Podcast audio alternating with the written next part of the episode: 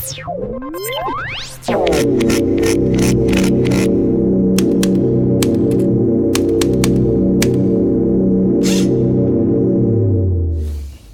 pozdravljeni v devetem počrtu podkastu, z vami smo Leonard Kučič in Taja Dopolovec. Ha, zdaj sem pa jaz tih in zdaj Taja čaka, kaj bom povedal. Noč ne bom povedal. Ko se človek z, uh, zan, preveč zanaša na Leonardovo zgovornost, ne? Mislim, se to redko zgrešiš, ampak ja, glej, vse je včasih z namenom. In dobrodošli v, ta bi rekla, devetem, jaz bi rekel, kaj prvem, skoraj poletnem podkastu. Uh Mhm. -huh. Kaj so današnje teme? Začeli bomo z DNK-jem. Čigajem. Na počrtu smo v preteklem mesecu objavili dva članka, ki se ukvarjata z vprašanjem, kako zbirati in hraniti DNK profile osumljencev na način, da kazenski postopki proti tem osumljencem ne bodo, ne bodo padali zaradi tega, ker je ta postopek v osnovi izpeljan na robe. Uh, mi smo imeli primer posilstva, s katerim smo se ukvarjali. Kjer so na podlagi DNK, baze DNK profilov na policiji našli osumljenca, katerega DNK profil se je skladal uh, z DNK profilom najdenim na žrtvi tega posilstva, vendar je postopek potem padel. Torej, če povzamem, imamo v bistvu DNK osumljenca v bazi, ki jo vodi policija, imamo osumljen, torej osumljenčev DNK, ki je najden na žrtvi. Hkrati pa tožilstvo odstopi od pregona zaradi tega, ker policija nima podatkov, kako so ta DNK osumljenca sploh dobili v bazo in zakaj. No, to me je zanimalo, kako boš povedala, zaradi tega, ker eh, ta primer bi vsak spodoben tabloid povzel tako zelo na kratko. Posiljevalec odkorakal zaradi policijske napake. Ja, če bom pustila ob strani ta um, pridih rumenega tiska, imamo v bistvu tu več vprašanj, ki jih je treba nasloviti uh, v povezavi s to temo. Torej, najprej, najprej to, kar sem že omenila, torej, kako je mogoče, da imamo v bistvu v bazi, ki jo policija uporablja, neke, neke profile, ki jih potem ne moremo uporabiti, oziroma zaradi njih dejansko primeri, primeri na tožilstvu uh, potem padajo. Mhm, ker jih tam pač ne bi smelo biti. Tako. Do tega, kaj pravzaprav ne bi bila rešitev za to, ali ne bi bila rešitev to, da, da imamo kar neke ogromne DNK baze, po katerih iščemo in primerjamo, oziroma zakaj je to problematično. Zdaj nama se bo pridružil Anže, ki se je s to temo zelo poglobljeno ukvarjal in ki je tudi napisal na počrto članek, ki razlaga, zakaj pravzaprav je boljše, da policija nima DNK storilca in primer ne pade in ostane odprt, kot da ga ima in to v bistvu cel primer za vse večne čase zaključi. Mhm, Hkrati bo pa tudi odgovoril na par takih vprašanj, ki ste jih zastavili naši bravci na družabnih omrežjih in sicer. Je eno izmed vprašanj je bilo, kako je mogoče, da pač policija ne more še enkrat odzeti DNK tega storilca, če zdaj storilca že imamo. Mhm. Do tega, ja, kako je mogoče, da pač ta DNK, ki ga hrani, v bistvu ne more služiti kot dokaz v postopku. Kar bomo tudi razložili v Tako, nadaljem oziroma, pogovoru. ja, oziroma, zakaj lahko vemo, kdo je nekaj zagrešil, ampak hkrati. Ampak hkrati ne moremo obsoditi. V priljubljenih teh ameriških forenzičnih kriminalkah in nanizankah je en tak zelo pogost zaplet, da pridejo forenziki, poberajo vzorce in pa skoraj sigurno nekdo reče: E, imamo pa še DNK vzorc in potem to dajo v računalnik.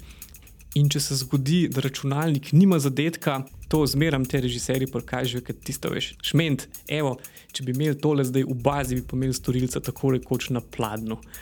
Zdaj smo pa imeli en tak podoben primer pri nas. En storilec, ki pa dejansko se je znašel na pladnu, ampak v resnici ga ni bilo možen obsoditi. Kje je zdaj tukaj ta ta glavni problem, ki iz tega izhaja in tudi recimo iz tega, kar implicirajo take ameriške, predvsem nanizanke, a ne bi bilo fino, če bi imeli nacionalno bazo, da bi nam kar DNK-je vzeli, ki ti ti napisal ali obrojstvo ali polnoletnosti, pa bi pol kar naenkrat lahko take primere rešili veliko hitreje, pa lažje, kot jih zdaj. Definitivno je tukaj obstajajo nekakšne, kako bi rekel, kar po mojem, tako naravni, naravni refleksi ljudi, ne, ko recimo neko osumljenc nekega hudega kaznivega dejanja, recimo posilstva, umora, se izogne kazni, ker mm, se ugotovi, da je policija napačno že zbrala kakršne koli dokaze, recimo tudi, tudi eh, DNK v tem primeru. Ne, in v bistvu se sprašujejo ljudje, zakaj imamo tako nevarnega človeka na ulici, če pa ja, vse vemo in vse imamo ne, proti njemu uh, dokaze. In je to nek verjetno nek čist tak naraven refleks človeka, nek samo obrambni ali kako. Okay, torej, če povemo čist na kratko, zakaj torej ni dobra rešitev, da bi pobrali DNK uh, vseh vem, prebivalcev te države, ga nekje hranili in na ta način zelo enostavno prišli do storilcev teh najtežjih kaznjivih dejanj. To bi lahko bil nek eh, refleks na prvo žogo v takih primerih, temu tako rečemo. Sej mi smo imeli že tak primer v Jugoslaviji, ne, kjer si mislim, da ob ko si prišel poseben dokument, ko si bil polnoleten, si mogel dati prstne odtise. Ne? In potem je imela policija bazo prstnih odtisov vseh prebivalcev, in ko je Slovenija postala samostojna, so potem te uh, prstne odtise tudi na veliko brisali po naših upravnih enotah. Da odgovorimo na to vprašanje, je treba iti malo v zgodovino. Dost, v dosti državah Evropske unije, ne? tudi ostalih razvitih državah v svetu. Ne? Je policija prečej časa zbirala DNK zelo velikega števila ljudi. Ne? V 90-ih letih je bil ta DNK dokazovanje z DNK analizo nek velik preboj za kriminalistično znanost, kjer so lahko prvič dokazali z nekimi neovrgljivimi biološkimi sledmi, da je nek človek bil na nekem kraju. Ne? Ker prej, ko si ti primerjal, recimo, lasi, lasje, odtis stopala. Ne? če ni bilo prstnih odtisov, to je zelo, tako zelo neexaktna znanost. Ne? Medtem ko DNK, pa če imaš dovolj dobro vzorce, praviš, da je mogoče, da bi imela dva, dve osebi isti DNK. Ne? In potem je to postalo zelo popularno in zelo uporabno. Ne? In so si začele polici, policije delati velike baze teh profilov. Pol je pa prišla leta 2008 za Evropo ena prelomna sodba, ki se imenuje Sejn Marper proti Veliki Britaniji kjer je Evropsko sodišče človekove pravice odločilo, da je v bistvu hranjenje, hranjenje DNK profilov nedolžnih oseb nezakonito. Ker prej je bilo tako, če je policija tebe aretirala in ugotovila, da nisi in ti vzela DNK ob tej aretaciji, in potem ugotovila, da nisi kriv, je ta DNK že kar obdržala v, tvoj, v svoji bazi. Ne? Kar se pa seveda lahko zgodi iz velikih različnih razlogov, kar pomeni, da si bil ne vem kaj, priča, slučajno zraven, bolničar, ki je posredoval. Mislim, kak, kakšni so recimo razlogi, zakaj bi ti lahko policija kot nedolžnemu vzela DNK? Ja, zdaj, če sem jaz prav seznanjen, recimo, če, si, če so te pozeli DNK za izločitev, ga najverjetneje niso shranili. Ne? Recimo, da je prišel v lomilcu hišo in potem so vzeli vsej družini DNK, da so jih izločili in so pogledali, kjer DNK pa se ne da izločiti in ta bi lahko bil do, do lomilca. Ne? Vzeli pa shranili so pa ga, recimo, če si bil ti, recimo, osumljen posilstva. In so ti vzeli DNK, ne vem, te ena priča, recimo, videla, je prepoznala tebe, so ti vzeli DNK, so te aretirali in vzeli DNK, da bi primerjali z DNK, ki so ga zavarovali na žrtvi. In če so ugotovili, da ni isti DNK, so tvoj DNK vseeno držali v bazi, ker so te že aretirali. Ne? Čeprav ti nisi bil ničesar kriv ne? in so te pol spustili. In tako so te baze kar brstele. Ne? Dokler v bistvu ni sodišče leta 2008 odločilo v primeru Velike Britanije, ki je za nedoločen čas shranjevala DNK profile ljudi, ki so bili aretirani, obtoženi in potem spoznani za nedolžne, ne, oziroma niso bili obsojeni na sodišču. Takrat je sodišče ugotovilo, da je to prekomeren poseg v človekovo zasebnost.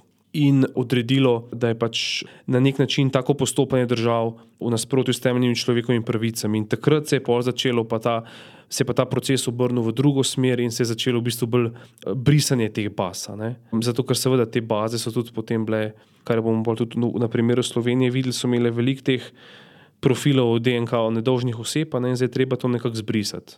Ampak. Seveda, ne, zdaj sodba sodišča, neka sodba sodišča, ne sodba sodišča. Zdaj, zakaj, bistvo je tle, zakaj, ne, zakaj država, tako kot smo rekli na začetku, kot pri nami v Jugoslaviji, zakaj se morda kar ne pobere vseh profilov DNK oseb in, in jih ima pač policija v bazi, in ko se zgodi nek, nek zločin, samo primerja in te najde. V bistvu, kaj, zakaj je v praksi to prekomeren poseg v človekove pravice? Ne? To je zdaj ta, ta debata, recimo, ki. Um... Samo je tukaj podobna analogija, kot je bilo takrat, veš, pri farsu teh, mislim, pri hrambi prometnih komunikacijskih podatkov, ko so tudi pač nasprotniki trdili, da um, ti kar naenkrat vse državljane EU-ja obravnavaš kot potencijalne osumljence nečesa. Je bil to eden od glavnih argumentov? Ali? Ja, zdaj, pri hrambi prometnih podatkov gre za to, da ti pač hraniš podatke v klicih, koga si ti klical, kdaj si ga klical, ja, kdaj si šel na internet, katere strani si obiskoval. Ne. Ja, seveda, ne, pa tudi lahko bi rekli. Lahko gremo še dlje, pa postavimo. Mi vemo, da se recimo največ umorov v Sloveniji zgodi v domačem okolju, ne? V zakonu, v družini. Ne? Ni problema, kamero v spalnico, pa v dnevno sobo, pa bomo vse videli, pa takoj dobili. Storilca, super dokaz, ampak seveda, kdo bi privolil kamero v spalnici. No, ampak spet in, si prej in, rekel, prota refleksnost. Veš, ja, ni, ni zanimivo, DNK da... ne boli. Ne? No, sej.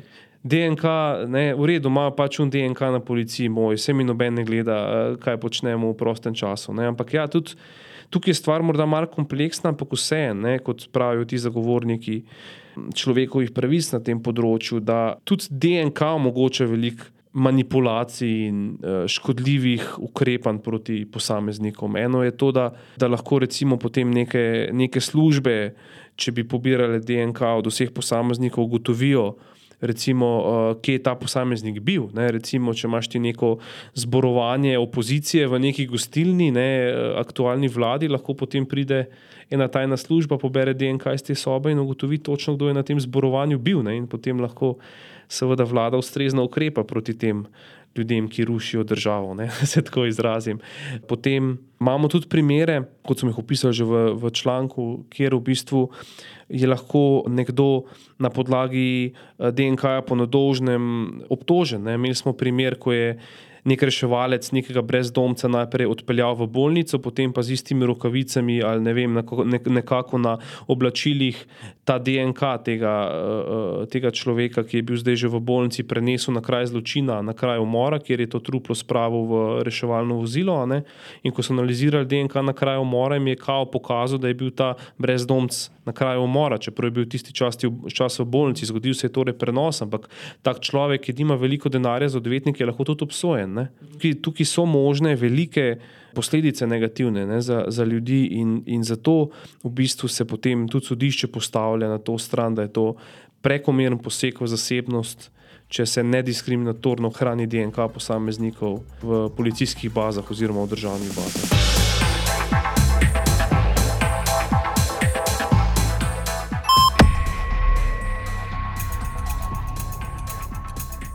Za ta primer, ki ga ti omenjaš, se je zgodil sicer v ZDA in ne pri nas. Ampak ta primer, s katerim smo se pa mi ukvarjali na počrtu v teh člankih, primer posilstva, pa dejansko ne gre za to, da ne bi imeli DNK storitva, storilca v bazi, vendar ga tam ne bi smeli imeti. Ja, v bistvu tukaj niso imeli podatkov, zakaj bi sploh temu storilcu odzet DNK. Za, ker, ker teorija, ki je tudi priznalo sodišče, gre tako. Če si ti pač ugotovljen, če si ti obsojen zaradi nekega hujšega kaznivega dejanja, statistično obstaja možnost, da boš ti v prihodnosti še kršil zakon. Ne? Ker tisti ljudi, ki kršijo zakon, je več je takih, ki so bili že obsojeni, kot takih, ki so prvikratni prestopniki. Oziroma, vsaj po deležu, ne? če bi pogledali koliko delež ljudi, ki nikoli še niso storili kaznivega dejanja, storite prvič kaznivo dejanje, pa koliko ljudi, ki so že storili kaznivo dejanje, ga naredite drugič, ne, je ta delež veliko velik, velik večji. In zato je sodišče priznalo, da je v interesu javnosti, da ni kršitev človekovih pravic, če ti obsojenim ljudem vzameš DNK in ga hraniš ne, nek določen čas. Ker obstaja toliko večja možnost, da bo ta človek spet naredil kaznivo dejanje, čeprav si seveda noben tega ne želi, da bi ga. Ne. Ko pa ti obravnavaš nedolžne, dolžne ljudi, ne, je pa ta verjetnost tako majhna, ne, da je škoda, potencijalna škoda, ki jo to povzroči, da ti zbiraš DNK od vseh večja od morebitnih koristi. Ker v tem drugem primeru res policija z vsemi nami ravna kot s potencijalnimi osumljenci. Ne? Lahko so zadeve čist bizarno. Zamislite, en rop v trgovini ali pa v banki. Ti si bil prej tam, si pustil svoj DNK, si šel na šalter po denar, so ti ga dali, si šel ven in pol en Evropa. Ne? In pol bi primerjali to v policiji in bi tvoj DNK najdel in bi te klicali na policijo in bi se tam mogel zagovarjati, zakaj si banko v Evropo, pa je pač nisi, en za tabo. Taki bizarni primeri, ampak do tega bi verjetno kar precej prihajali, če bi, če bi imela policija DNK vseh ljudi. No, v našem konkretnem primeru je bilo pa kako? V našem konkretnem primeru je pa imela policija težavo, ker niti ni mogla dokazati, ali, so, ali ima sploh pravico ohraniti DNK tega osumljenca ali ne, ker so preprosto izgubili dokumentacijo, zakaj so temu osumljencu DNK vzela. Ne? In niti niso mogli preveriti, ali je bil ta osumljenc potem preteklosti obsojen zaradi česa, ali je bil obtožen, ali mu sploh ne bi smelo vzeti DNK v aretaciji, eh, oziroma ali so sploh ga aretirali. Ne? Eh, tega ne vemo. Ne? No, ampak tukaj prejemo pa do tega, no, kar mislim, da je bilo tudi med komentarji naših bralcev največ vprašanj, glih na to temo. Ja, ok, fajn se razumemo, pa vse, ampak to je vendar storilec, kako je lahko zaradi tega, ker policija neki ni imela kar od korakov. Težava je, ne, da, da se je verjetno v dolgih letih kazenskega postopka ne, ugotovilo, da lahko zamejiš ne, nezakonito delovanje policije samo s tem, da okaznuješ na način, da ko policija deluje nezakonito, da postopek proti storilcu na to pade. Ne. Ker obstajajo države, ne, tudi, tudi zahodne države, ne, demokracije, kjer je ta standard ni tako strok, pri nam recimo je, no, in to je ta sad zastrupnjenega drevesa katerem ne bi so potem naši brav, določeni naši bralci sprašvali, zakaj je potreben. Ne? Ki pravi, da v bistvu, če policija dobi nelegalno dobi nek dokaz, potem tudi vsi ostali dokazi, temelječi na tem dokazu, tudi če so ostali legalno pridobljeni, ne, niso legalni, oziroma jih ne moš predložiti v sodnem postopku. Ne. Zakaj to obstaja? Ne? Recimo v tem konkretnem primeru posilstva je bilo tako, da so najprej v bazi najdel osumljenca, Potem so mu še enkrat vzeli DNK in še enkrat primerjali z DNK odzetega žrtvi, ne, na, na žrtvi.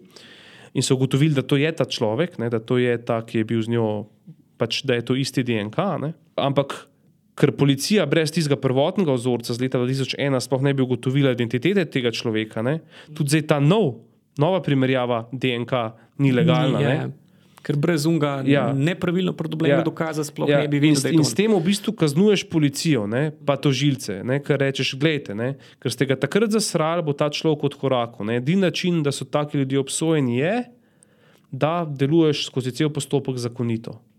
A pa s tem, da kaznuješ tudi žrtve? Ja, to ni uh, črno-belo, ampak v demokratičnih državah smo pač presodili, da je to manjša, manjša škoda, kot pa škoda, da bi policija delovala nezakonito, podtikala dokaze, udirala v stanovanja brez naloga, ne zapirala morda nedolžne ljudi ali pa tudi politične sovražnike zaradi tega. Ne? Da je bolj, da v tem primeru oškoduje žrtev, kot pa da odpreš vrata vsem tem. Mnogo hujšim zlorabam mm, organov odkrivanja in pregona. Ne? Ker recimo do, če sem prav seznanjen, v določenih državah je možno, da če gre za posebno huda kazniva dejanja, recimo za umor, pa tudi če je bil nek dokaz pridobljen nezakonito, da lahko se sodba odpre tudi na ta dokaz, ampak da je verjetno vsem treba kaznovati tiste, ki so postopali nezakonito, ne? v tem primeru, ne organ, tisti uh, policisti ali pa tožilci ali pa kdorkoli. Medtem, ko mi imamo to strogo določeno, da se pač ne more uporabljati tega dokaza, ne glede na to, za kakšen postopek gre. Ne? V bistvu tukaj je neka debata, ki bi se lahko odvijala tudi v naši državi, ali tudi v najhujših primerih, tako strogo se držimo tega načela, ali ne, je pa dejstvo, da je pač to načelo eno izmed temeljev pač zamejevanja zlorab moči države.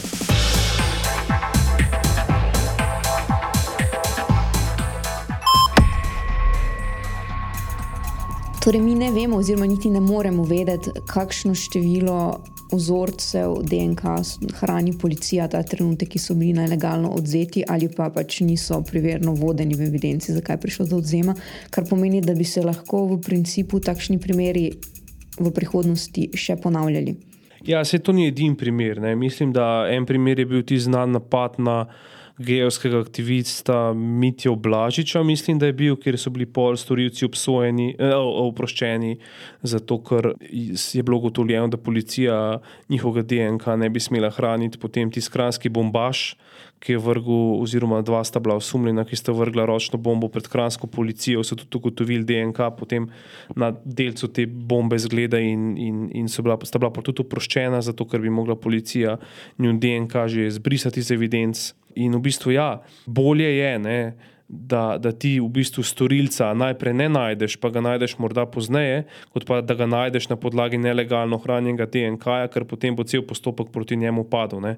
Če ga pa najdeš pozneje prek virov, pa to, ne, recimo tajnih policijskih sodelavcev, ki morda vejo, ki so člani podzemlja in policiji namigne, kdo bi lahko bil ta človek in se potem testira, recimo DNK in ga uh, ujame. Ne. Na ta način je človek potem lahko obsojen. Ne. Če ga pa ti priješ do njega prek nezakonito hranjenega profila DNK v policijski bazi, si pa zgubo, ne. bo pa ta človek odkorakal. In to za skos. Ja, za skos, ja, seveda. Ne. Težava pa je, ja, da policija, ne, tukaj je treba še malo poznati zgodovine. Rekli smo, da je ta sodba, Sejn uh, Marper proti Veliki Britaniji, postavila ta standard leta 2008, da v bistvu policija ne sme hraniti DNK profilov oseb, ki niso kriva. In policija ima probleme ne, in je imela v preteklosti probleme. Recimo, da je policija nekoga aretirala, mu vzela DNK, potem pa sodiš, uh, tožilstvo bodi si ni nadaljevalo kazenskega pregona, bodi si je sodišče tega človeka oprostilo. Potem tožilstvo pa sodišče nista sporočila policiji, ok, ta človek je oproščen, pobriž DNK profil iz baze, ne smeš ga več hraniti. In zato je v policijskih bazah lahko zelo velik profilov, ki tam ne bi smeli biti in lahko ti povzročijo še nadaljne padanje procesov na sodiščih. In jaz sem vprašal notranje ministrstvo, koliko čez prst, če ima kako oceno takih nezakonitih DNK profilov, bi lahko bilo v policijskih bazah, pa mi pač niso hoteli povedati, ne, ne vem, če niti ne vem, če, če, če vedo. Mm.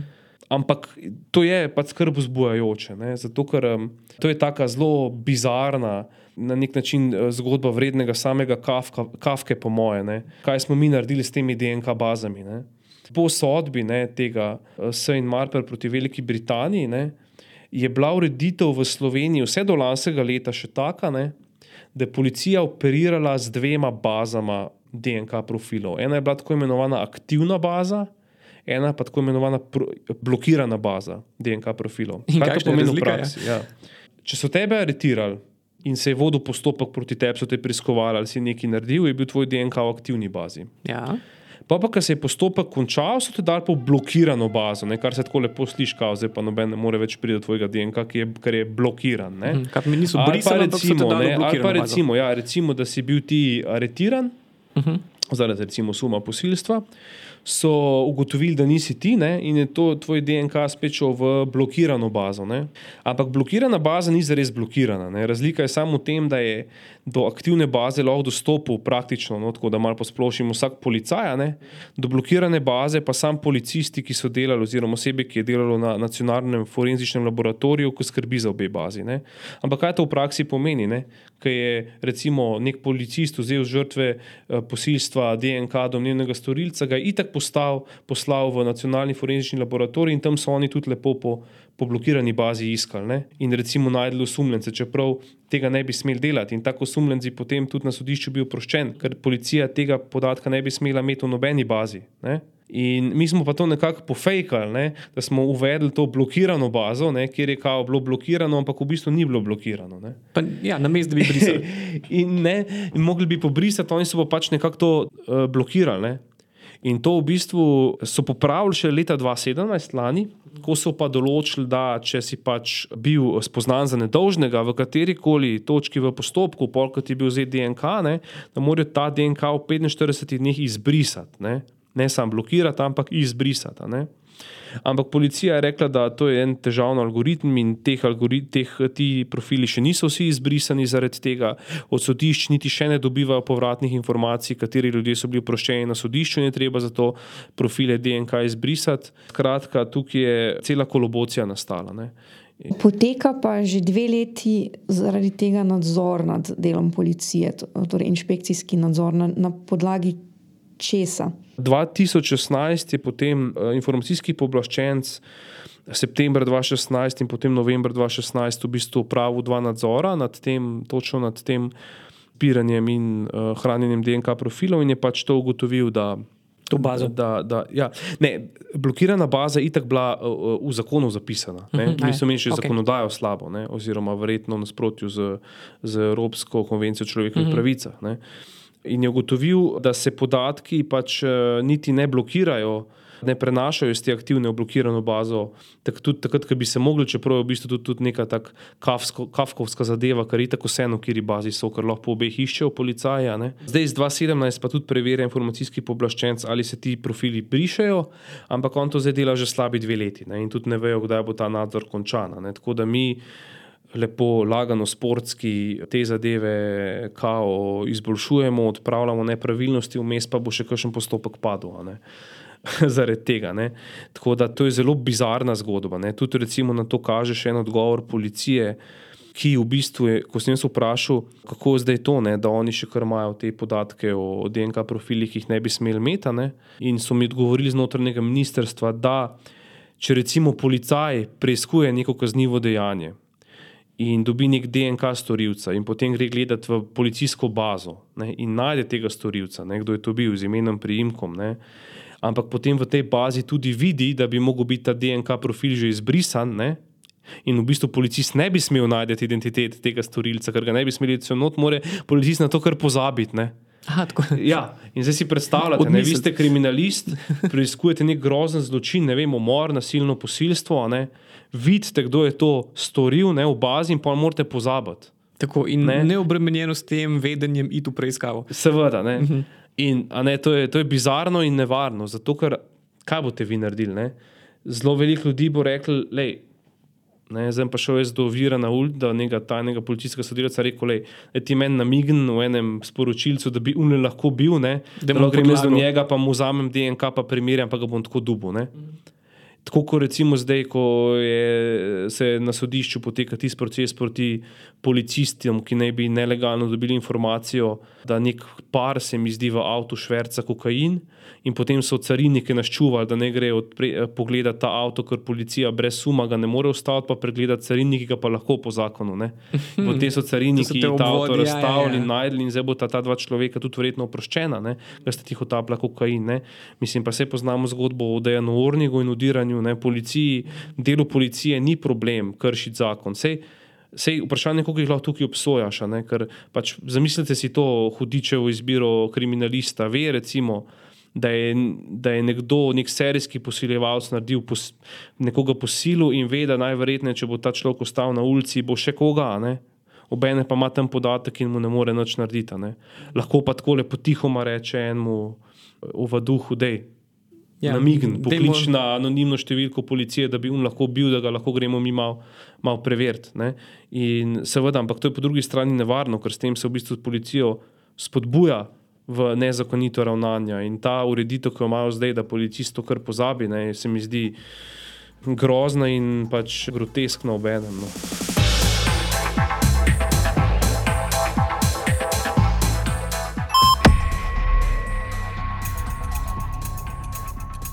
Ja, tu si, ker si zdaj omenil primer Ornika, o katerem smo mi pisali nekaj let nazaj. Pač tu gre v bistvu spet za ist, isti problem nezakonito pridobljenih dokazov, ki so pač iz drug tip dokazov, ampak pač sama doktrina Sara strupljenega drevesa še vedno velja tudi v tem primeru, ne samo na primeru DNK. Ja, seveda ne. Zato, ker pač treba se zavedati, da v realnosti bo policija vedno kršila zakone. Vedno. Ne? Nobena policija na tem svetu ne deluje 100% zakonito. Ne? Pač kdo izmed nas deluje 100% zakonito in ni šel nikoli še čez cesto v rdeči luči. S tem, da nezakonita de, dejanja policije imajo hujše posledice ne? E, za družbo in zato je pač naš cilj, da se jih čim bolj omeji, čim bolj zmanjša. Ne, ne pa da se policistom še s tem.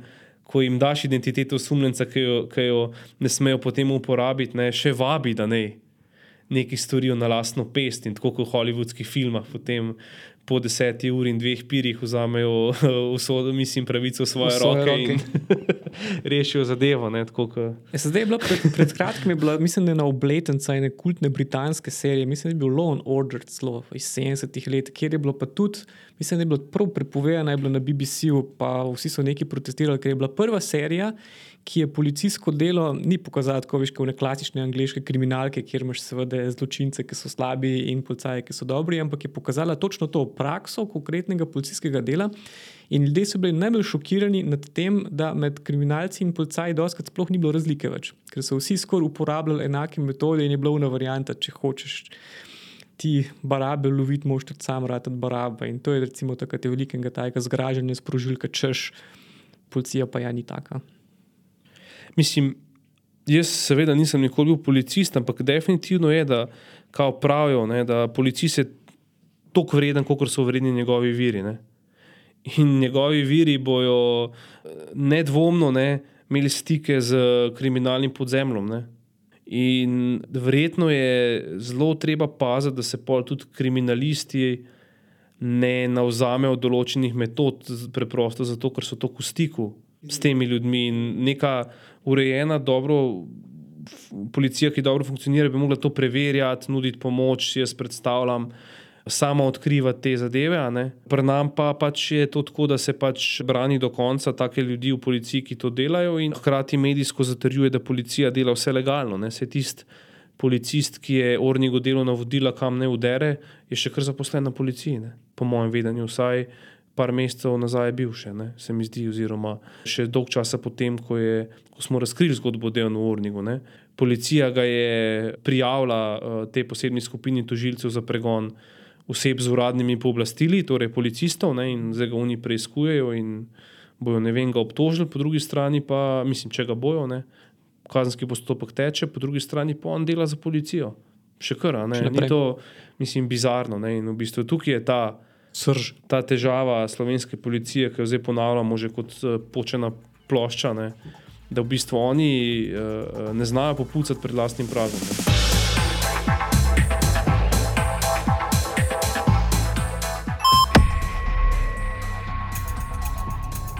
Torej, kaj, bi bil, prav, kaj bi bila pravzaprav v tej zapleteni DNK profili zgodbi neka, neka rešitev, ki bi bila možna? Mislim, čist, če bi pogledali čisto drastično, bi rekli, da v bistvu dokler baza DNK profilov ni izčiščena in takšna, kot mora biti, bi bilo boljše to bazo zaplombirati in ja. ne uporabljati, kot da zaradi tega najtežji primeri padajo na sodišču.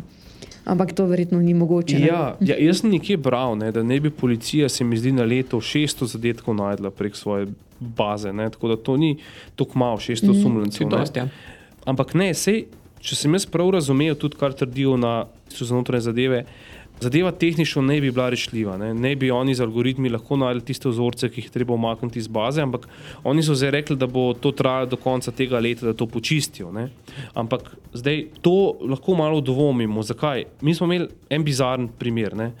Sodišča, ko je nek osumljenec oproščen na sodišču, ne, bi mogla posredovati policiji podatek, da je bil ta človek oproščen in da bi policija potem lahko zbrisala DNK.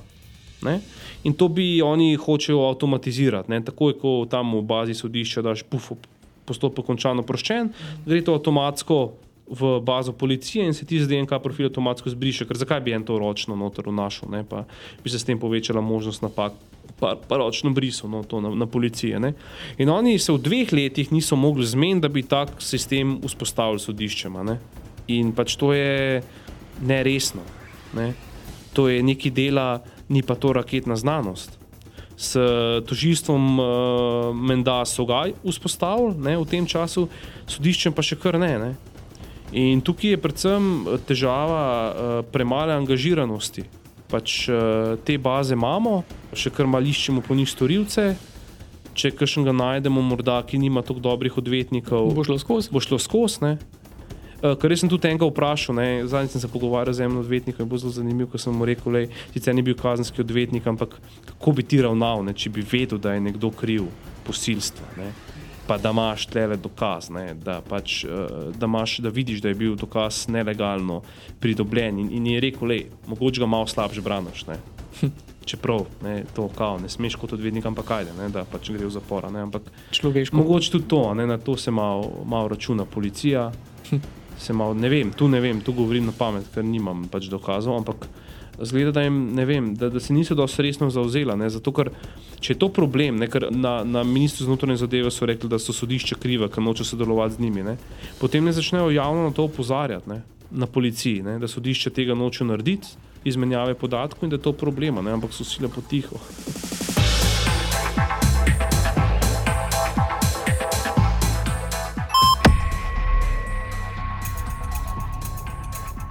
Torej, ta tema o odvzemu in hrambi DNK profilov je bila ena večjih tem ta mesec na počrto, ampak ni bila pa v bistvu edina. edina. Ja.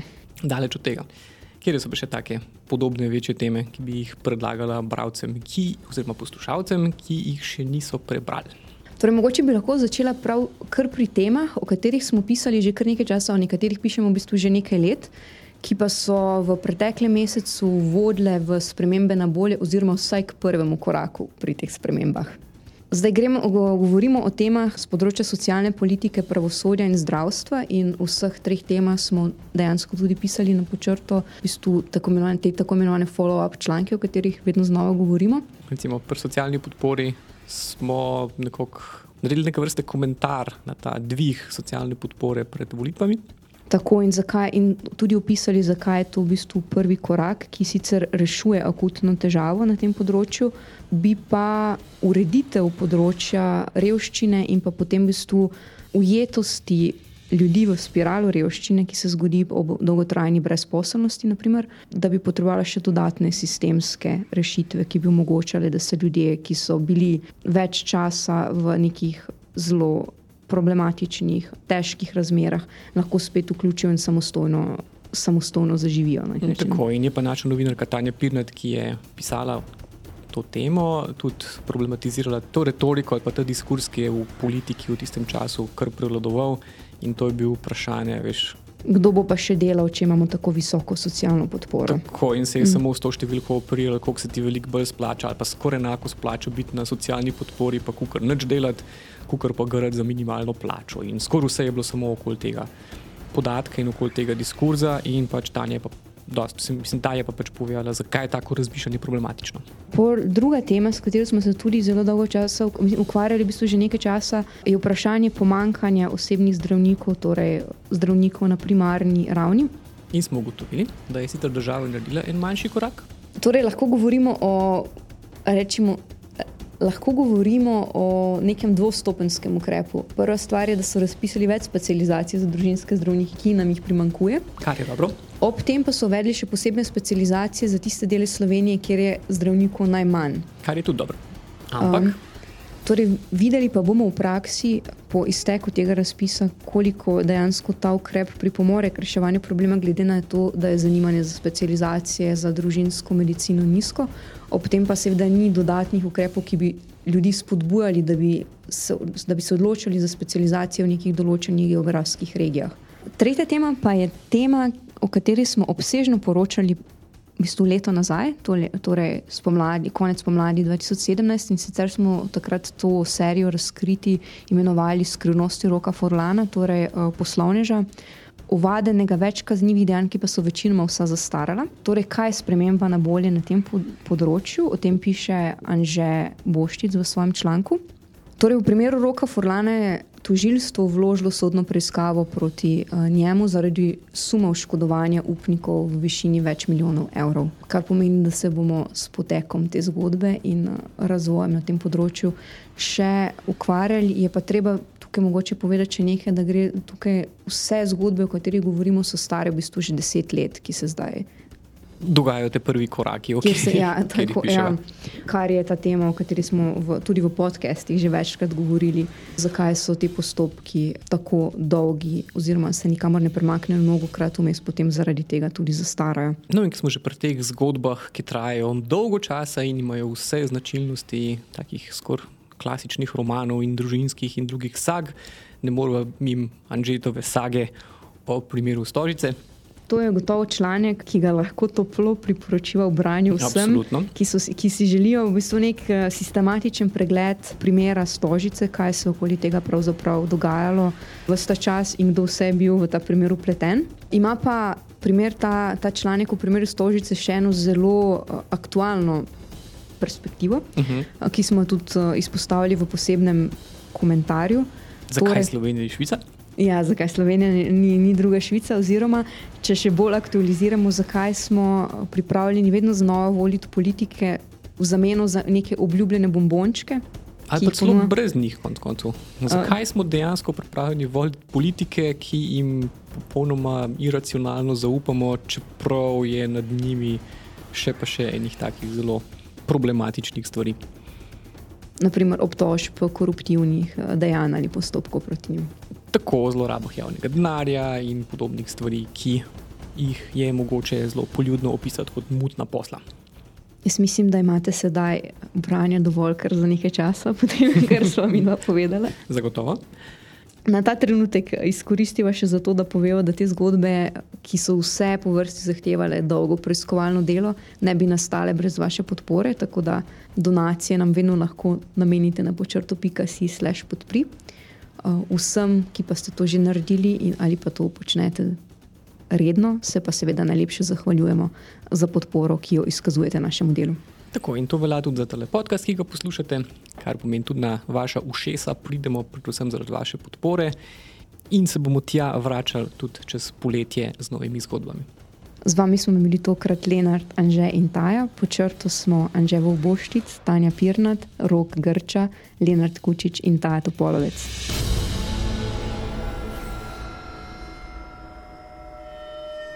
Tretja tema. Tretja tema pa je um, tema, o kateri smo pisali lani. Smo res pisali tem lani? E, kaj sem da pogledam, če smo res pisali lani, ker ne morem tega reči, že, že nismo. Više v podkastu ne moramo objaviti nečesa nepreverjenega. Алло? Нашим прощание потом.